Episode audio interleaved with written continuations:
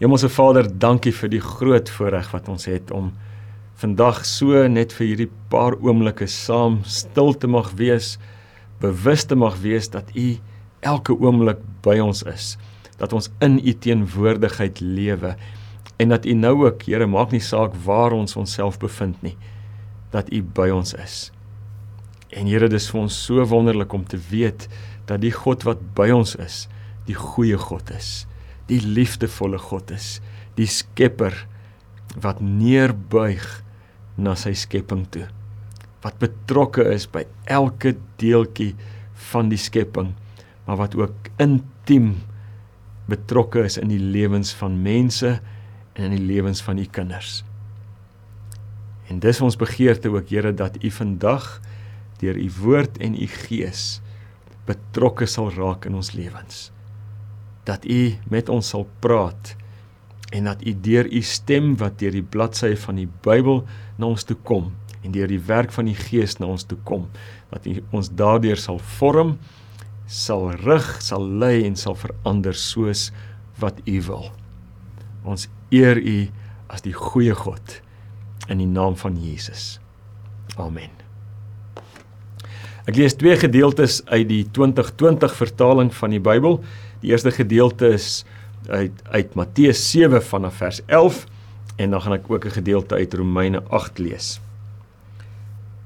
Matteus 7 vers 11 Jesus is aan die woord en hy sê as julle wat sleg is dan weet om goeie geskenke aan julle kinders te gee hoeveel te meer sal julle Vader in die hemel goeie dinge gee vir hulle wat hom vra.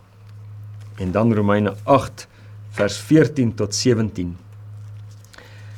Almal wat deur die gees van God gelei word, hulle is kinders van God.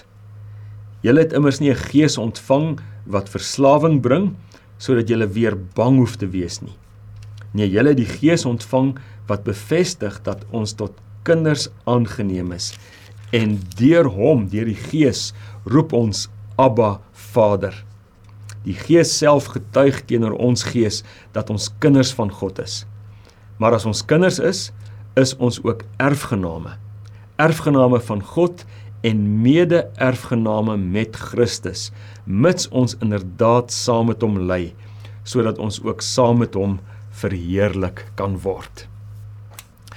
Toe Jesus op aarde as mens gelewe het, het hy baie radikale dinge gedoen. Ek dink jy weet dalk daarvan. Hy het en en hy het ontsettende radikale dinge gesê. Maar een van die mees radikale dinge wat Jesus gedoen en gesê het, is dat hy God aangespreek het en na God verwys het as Vader. En hy en Jesus het dit nie net een of twee keer gedoen nie, hy het dit amper 180 of meer kere net in die evangelie sien ons dis hoe Jesus met die Vader met God praat en dis dis hoe Jesus van God praat. En dan is die ander radikale ding wat Jesus doen is hy praat nie net so oor en met God nie, hy stel vir ons die voorbeeld. En hy sê vir ons dit is hoe jy met God kan praat en van God kan praat. Jy kan hom regtig julle Vader noem. En dis revolusionêr. Maar dan gaan Jesus verder in Matteus 7 en hy sê hierdie God wat hierdie hierdie God is nie net julle Vader wat in die hemel is nie, maar julle Vader wat in die hemel is, is 'n goeie Vader. Hy is hy wil goed wees en omdat hy goed wil wees en omdat hy goed is, daarom wil hy ook goed doen. Hy is om die waarheid te sê wat Jesus daar sê as ek dit in my eie woorde mag sê is God ons goeie Vader, ons volmaakte Vader is gretig om goed te doen aan sy kinders. Hy's gretig om goed aan ons te doen. Nou dis baie belangrik om hierdie ding te verstaan wat ek nou gaan probeer verduidelik. En dit is al het jy op die oomblik die beste, heel beste pa op aarde. En al het en al het jy of of al het jy die heel beste pa op aarde gehad hy kan nie vergelyk word met God as Vader nie John Piper help my om dit te verstaan. Hy, wanneer hy sê as jy die, die verskil tussen die heel slegste uh, slegste slegste pa aardse pa en die heel beste aardse pa is is omtrent in die groter prentjie so 'n millimeter. Maar dan sê hy die verskil tussen die heel beste aardse pa en ons hemelse Vader, ons volmaakte goeie hemelse Vader, is so groot as die afstand tussen die aarde en die hemel. Dis hierdie afstand tussen die heel beste Pa en God ons Vader is 'n oneindige afstand. Dis onvergelykbaar. En die rede hoekom dit so belangrik is om dit te verstaan is ons kan nie toelaat dat ons belewenis van ons aardse paas, hoe goed of hoe sleg dit ook al is, enigsins ons verstaan van wie God as Vader is, beperk nie. Want want God as Vader is volmaak. Hy is in alle opsigte onbeperk. Hy is sonder foute, hy is sonder gebreke, hy is sonder hang-ups soos die meeste van ons aardse paas maar het. Hy is 'n volmaakte Vader sonder foute en sonder gebreke. En die rede hoekom Jesus hier in in Matteus 7 spesifiek vir sy disippels, vir sy volgelinge en ook vir jou en vir my herinner daaraan dat ons 'n goeie, 'n volmaakte aardse Vader het. 'n Aardse Vader, nie hemelse Vader het. Is Jesus wil sy volgelinge bemoedig om met hoop te bid en met hoop te lewe. So hy sê vir hulle, julle kan met hoop bid en julle kan met hoop lewe want julle het 'n goeie, julle het 'n volmaakte hemelse Vader wat gretig is, het ek net nou gesê het wat gretig is om goed aan julle te doen. Ons kan met hoop bid en ons kan met hoop lewe want ons het 'n Vader, 'n goeie Vader wat vir ons liefhet en wat hom in alle omstandighede oor ons ontferm. Ons kan met hoop lewe want ons het 'n goeie Vader wat ons versorg met ons daaglikse brood.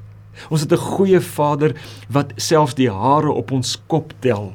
Ons het 'n goeie Vader wat ons in die palm van sy hand hou en beskerm.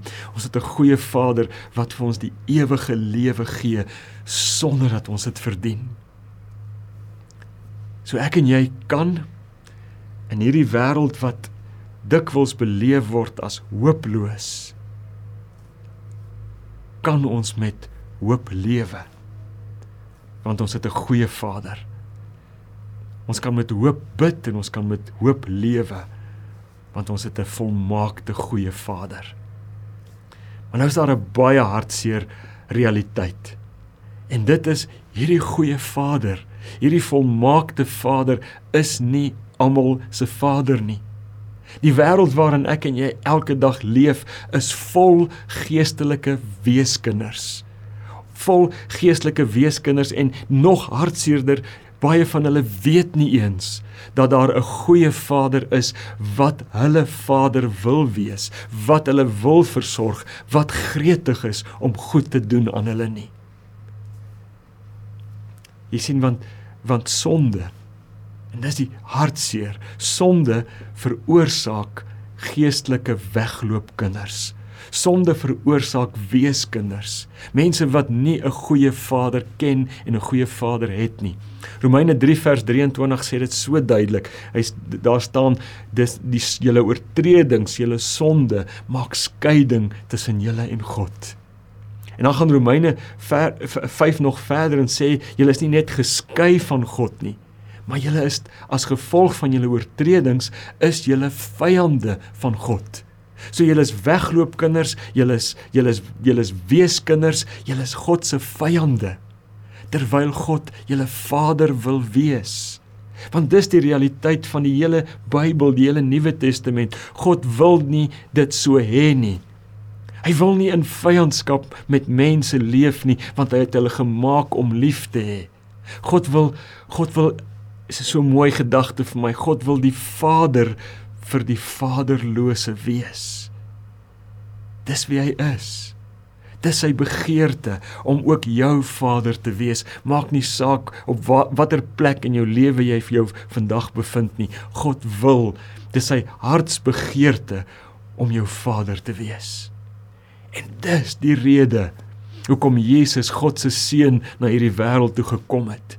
Dis die rede hoekom Jesus aan die kruis sy lewe afgelê het. Dis die rede hoekom Jesus aan die kruis 'n vaderlose in my en jou plek geword het. Wanneer hy wanneer hy uitroep, "My God, my God, my Vader, hoekom het U my verlaat?"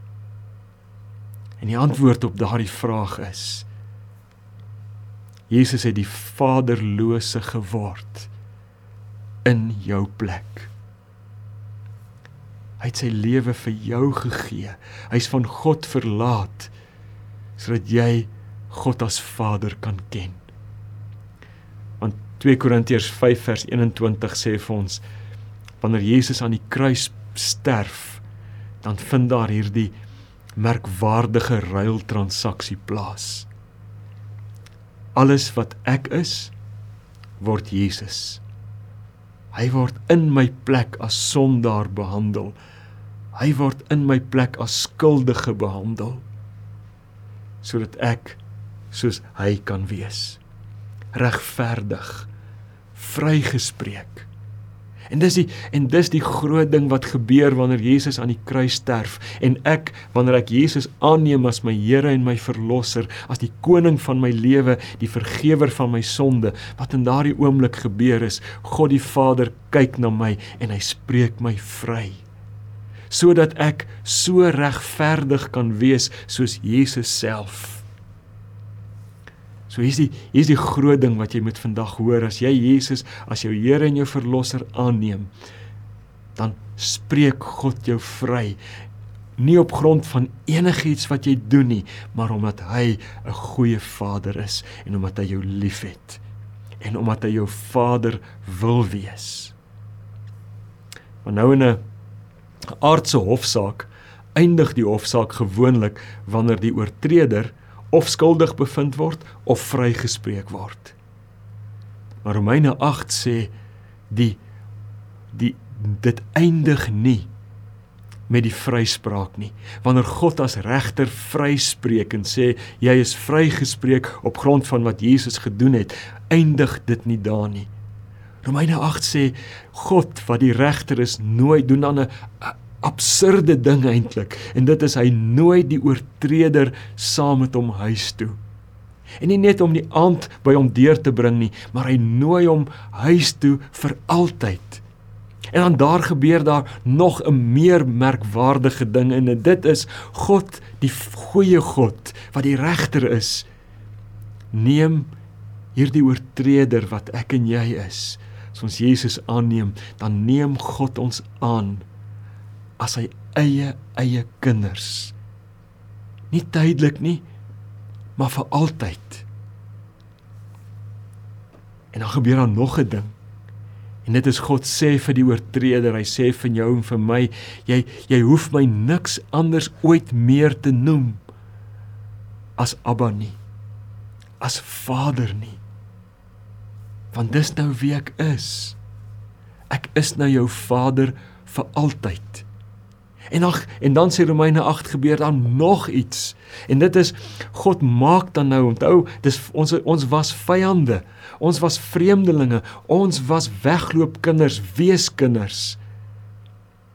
En dan kom God en hy sê nou is jy my eie eie kind en daarom maak ek jou saam met Jesus my erfgenaam. So al die al die Romeine Efesiërs 1 vers 3 sê al die geestelike seënings wat daar in die hemel bewaar word is nou joune.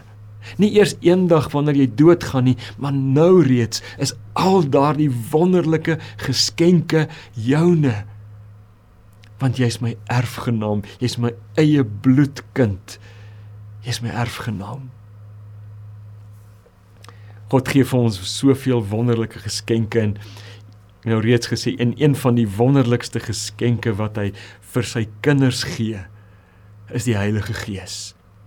En die Heilige Gees doen wonderlike dinge in die lewens van God se kinders, maar een van die vir my een van die heel mooiste dinge wat die Heilige Gees in die lewens van God se kinders doen is dit. Hy kom herinner ons elke dag aan ons identiteit. Hy kom herinner ons elke dag aan wie ons is nadat ons Jesus aangeneem het. Hy kom sê vir ons, hy kom sê vir my, hy kom sê vir jou, jy is nou nie meer 'n slaaf wat in vrees vir straf moet lewe nie.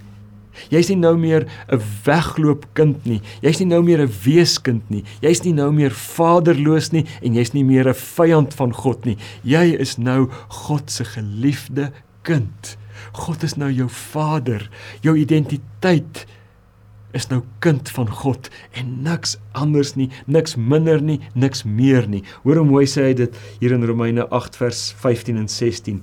Die Gees roep hier deur ons en in ons roep die Gees uit. Abba, die mees intieme manier om na Vader te verwys. Abba Vader. En dan staan daar in vers 16: Die Gees self getuig teenoor ons gees dat ons kinders van God is.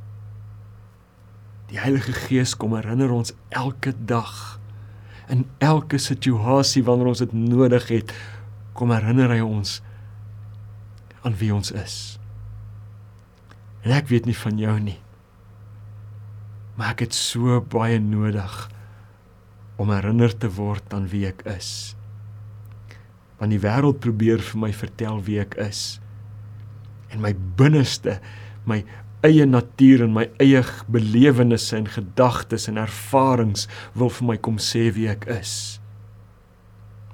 Maar God kom sê deur sy gees wie ek is. En dis kind van God. Ek weet nie van jou nie, maar dis vir my die motivering vir die lewe. Dis vir my genoeg rede om in die oggend op te staan en te weet ek is kind van God en vandag gaan ek hierdie dag in saam met my Vader.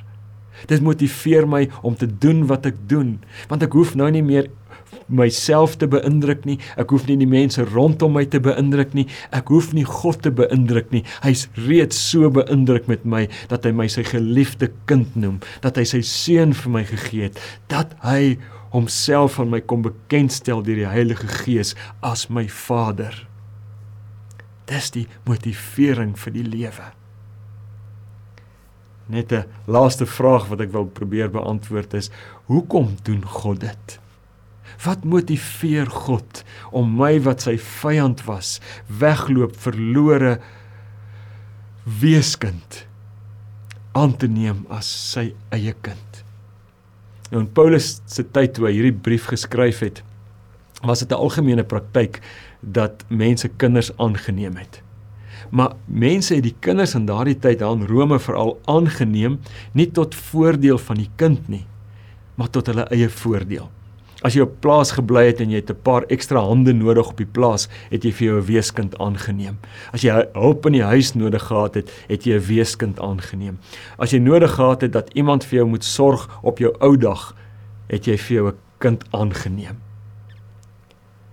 Maar dis nie hoekom God ons aanneem nie. God neem ons nie aan omdat hy ons nodig het nie. God neem ons nie aan omdat hy omdat daar in sy lewe leemtes is sonder ons nie. Hy doen dit omdat hy volmaak is in sy goedheid en omdat hy ons liefhet met liefde wat nooit ooit ophou nie, met volmaakte goddelike liefde. Hy neem ons aan as sy kinders want hy is liefde en hy het, hy het en hy wil jou as sy kind aanneem want hy het jou lief met liefde wat nooit ophou nie. So as jy vandag rondom jou kyk na jou onmiddellike omstandighede, of jy kyk na wat in hierdie land aangaan en jy beleef hoe jy voel en jy sit dalk by 'n plek in jou lewe vandag waar jy al lankal hoop verloor het of dalk op die punt is om hoop te verloor. Dan wil ek vandag vir jou vra Wil jy nie asseblief toelaat dat God se Heilige Gees jou aan twee dinge herinner nie? Laat asseblief toe dat die Heilige Gees jou herinner aan wie God is. Hy's die volmaakte goeie Vader. Hy's die een wat wat vryspreek. Hy's die een wat jou aanneem as sy kind. Hy's die een wat jou sy erfgenaam maak van elke geestelike seëninge, seëning wat daar in die hemel is. Maar laat ook toe dat die Heilige Gees jou aan 'n tweede ding herinner. Laat toe dat die Heilige Gees jou herinner daaraan dat jou diepste identiteit niks anders is as kind van God nie. Laat toe dat die Heilige Gees in jou binneste uitroep Abba Vader en laat toe dat hy jou herinner daaraan dat jy God se eie eie kind is. En ek weet nie van jou nie. Maar in 'n wêreld wat hooploos lyk, voel dit vir my genoeg. Dit voel vir my genoeg om te weet die almagtige God is my Vader. En deur Jesus sy seun is ek sy kind. Mag wie God is en mag wie jy is jou help om met hoop te bid en met hoop te lewe. Amen. Hemelse Vader, dankie dat ons mag bid. Dankie dat ons met U mag praat. En vandag veral dankie Vader dat ons U ons Vader mag noem. Dankie Here Jesus dat U vir ons die voorbeeld gestel het en dat U ons geleer het om God as Vader te mag sien en as Vader te mag aanspreek. Ons weet Here Jesus wat dit u gekos het. Dat u u lewe aan die kruis gegee het. Dat u van die Vader verlaat was, dat u vaderloos was sodat God ons Vader kan wees. En Here Jesus, ek kies vandag weer vir u. Ek kies u vandag weer 'n keer of dalk vandag vir die eerste keer as my verlosser en as die koning van my lewe. Heilige Gees, dankie dat U my elke dag kom herinner aan wie die Vader is en aan wie ek is. Ons bid dat U ons in hierdie dag en elke dag die krag sal kom gee om vanuit ons identiteit vanuit wie ons is te lewe. Ons wil lewe vanuit on, ons identiteit as kinders van die goeie, liefdevolle, volmaakte Vader. Die een wat gretig is om goed te doen en om goeie dinge te gee vir sy kinders. Ons bid dit alles in U naam, Here Jesus. Amen.